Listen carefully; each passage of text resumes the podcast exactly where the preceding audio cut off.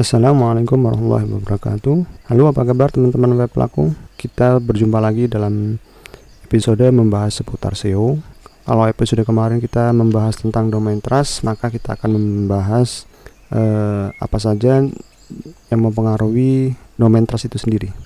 Ada banyak faktor dalam domain trust. Kita sebelum membahas ke tujuh atau enam sisanya ada beberapa faktor-faktor lain di dalam domain trust seperti misalkan link root domain. Apa itu pengertian dari link root domain?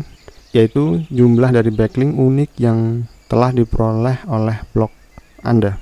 Jadi misalkan web sudah punya 20 external link dari dua web berbeda, maka itu artinya webnya hanya punya dua link root domain saja. Paham ya? Jadi misalkan ada dua root domain yang sudah berhasil maka akan tercatat sebagai dua domain atau dua backlink yang mengarah ke langsung ke blog kita sendiri. Sehingga pada praktek terbaiknya lebih baik memperoleh sedikit backlink dari website yang berbeda-beda daripada harus bombardir banyak backlink tapi semuanya tidak ada yang kena, tidak berkualitas. Subfaktor kedua yang mempengaruhi domain authority itu meningkat, domain trust itu bagus, jumlah keseluruhan dari link yaitu berapa jumlah total link yang didapat oleh web. Sekalipun kuantitas jum atau jumlah backlink tidak bisa jadi ukuran mutlak dari kualitas SEO suatu web, tapi bila ada satu web saja yang memiliki lebih banyak backlink berkualitas, maka tentunya rankingnya juga akan lebih baik daripada web yang hanya memiliki sedikit backlink berkualitas.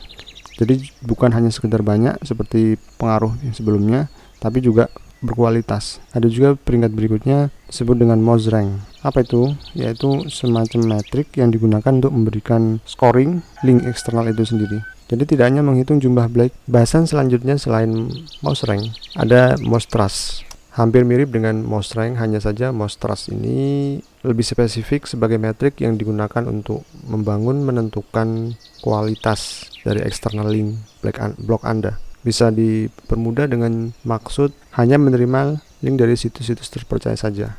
Kita lanjut pada bahasan berikutnya, subfaktor apa saja yang mempengaruhi skor domain trust menjadi bagus, yaitu kualitas konten itu sendiri. Kalau dulu backlink yang jadi acuan utama dalam menentukan ranking web, sekarang ini artikel juga menjadi faktor utama dalam menentukan ranking sebuah website masuk di jajaran top 10 atau tidak.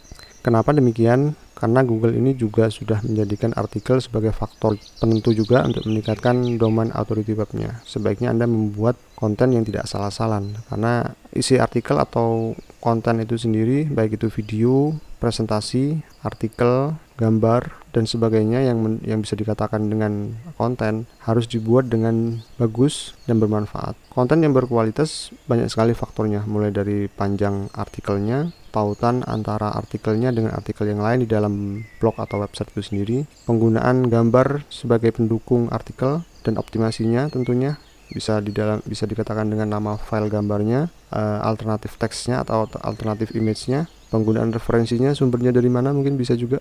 Kemudian kemudian pembaca dalam memahaminya dan masih banyak beberapa faktor lain yang tidak secara detail saya bahas pada bahasan episode kali ini. Nanti kita akan bahas pada bahasan-bahasan yang lainnya secara terperinci dan lebih spesifik lagi. Kebetulan tip khusus untuk konten berkualitas ini memang sudah saya siapkan.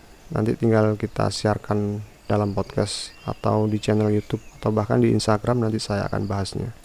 Subfaktor berikutnya selain kelima hal tadi yang sudah saya sebutkan yaitu sinyal dari media sosial.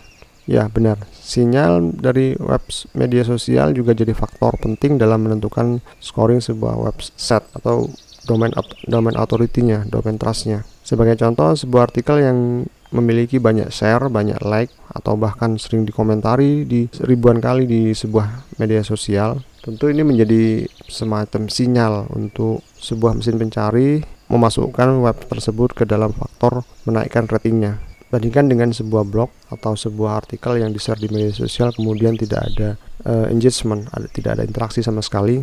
Tentunya artikel tersebut menunjukkan bahwa tidak ada bermanfaatnya. Untuk itu pastikan di dalam saat pertama kali membuat blog, Anda bisa memberikan plugin khusus untuk share media sosial. Seperti misalkan plugin yang sudah sering kita digunakan, eh, ada bacaan di sebelah kiri, ada tombol share seperti Facebook, Twitter, Instagram, Pinterest, bahkan mungkin Google Plus sudah tidak ada dan beberapa tombol share ke media sosial lainnya. Oke, sampai di sini bisa Anda pahamin kan kira-kira apa saja tanda-tanda menunjukkan domain trust atau domain authority itu bisa melesat naik peringkatnya yaitu peringkat berikutnya atau faktor-faktor subfaktor berikutnya dari domain trust yang agar bisa naik yaitu keramahan dari web atau blog itu sendiri. Jadi bisa dibayangkan kalau misalkan Anda menemui blog bermanfaat tapi berat ketika membuka artikelnya. Bahkan tulisan-tulisannya pun kacau tentu akan kita malas untuk berkunjung kedua kalinya ke dalam blog itu tadi.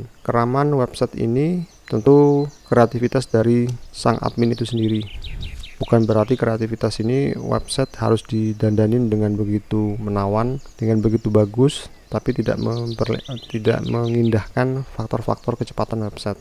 Jadi Anda harus merujuk pada optimasi SEO on speed dari sebuah website yang lebih khusus pada lengkap struktur website itu sendiri. Di antara struktur website yang dimaksud adalah pengaturan template ringan, tidak berat, navigasi-navigasi atau link-linknya mudah diakses, seperti judul artikel dan deskripsi websitenya, link menu kategori, profil pengelola, dan link profil ke berbagai media sosial. Disclaimer linknya, privasi polisinya, kontak, sitemap, dan lain-lainnya yang tujuannya agar mudah terindeks dalam mesin pencari. Semakin baik struktur navigasi dalam web Anda, maka akan semakin baik juga skor domain authority-nya. Dan tentunya rankingnya juga di mesin pencari search engine friendliness ini juga merujuk pada kecepatan loading ya. Jangan, jangan remehkan loading website. Jadi misalkan loading websitenya lambat harus segera perbaikin.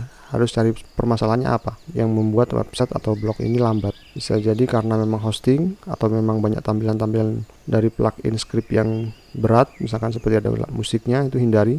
Atau gambar-gambar yang belum dikompres dengan baik. Saat upload gambar dalam artikel. Nah, speed speed ini speed website juga menjadi faktor ranking yang bisa mencari. Mudah-mudahan podcast kali ini yang membahas tentang subfaktor apa saja yang mempengaruhi domain trust. Semoga bermanfaat. Nanti kita berjumpa lagi pada bahasan topik SEO yang berikutnya. Sampai jumpa.